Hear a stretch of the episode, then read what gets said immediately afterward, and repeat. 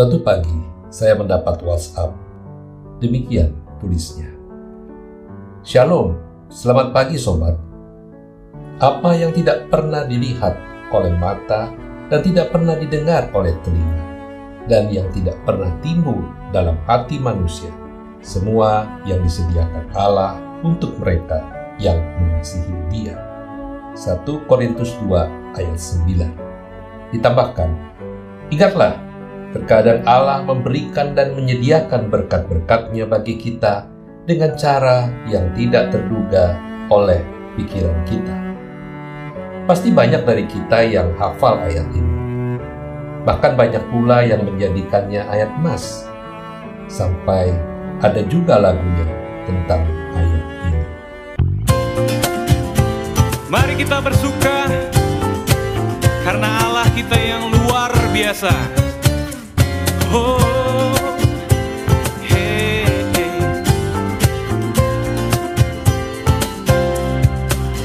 yang tak pernah dilihat mata? Yang tak pernah didengar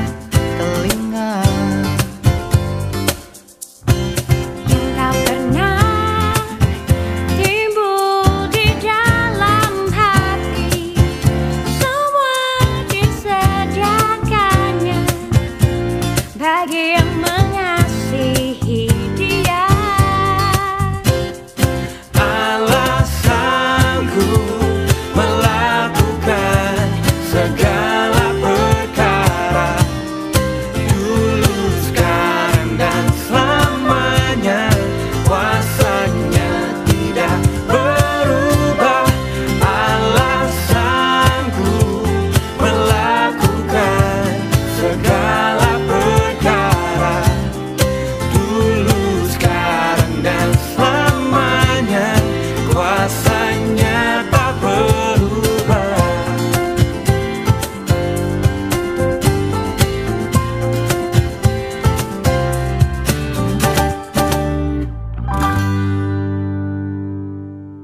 Dulu, pengertian saya tentang ayat ini adalah Tuhan bisa menyediakan segala keperluan saya, bahkan semua yang tidak pernah saya lihat, semua yang tidak pernah saya dengar, ataupun semua yang tidak muncul dalam keinginan saya.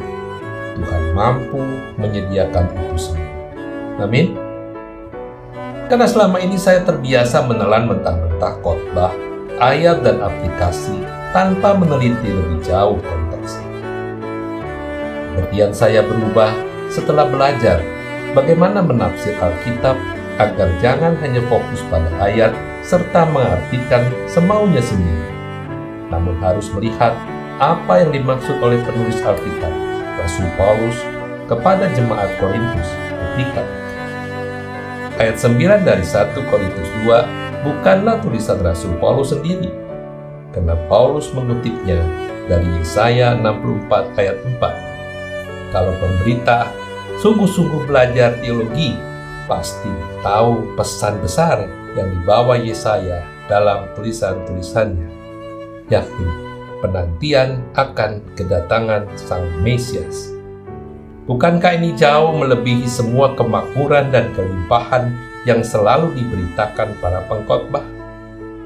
Mari kita mencari hikmat Tuhan dalam mengartikan Alkitab sehingga maksud penulis disampaikan kepada jemaat sesuai dengan kebenarannya.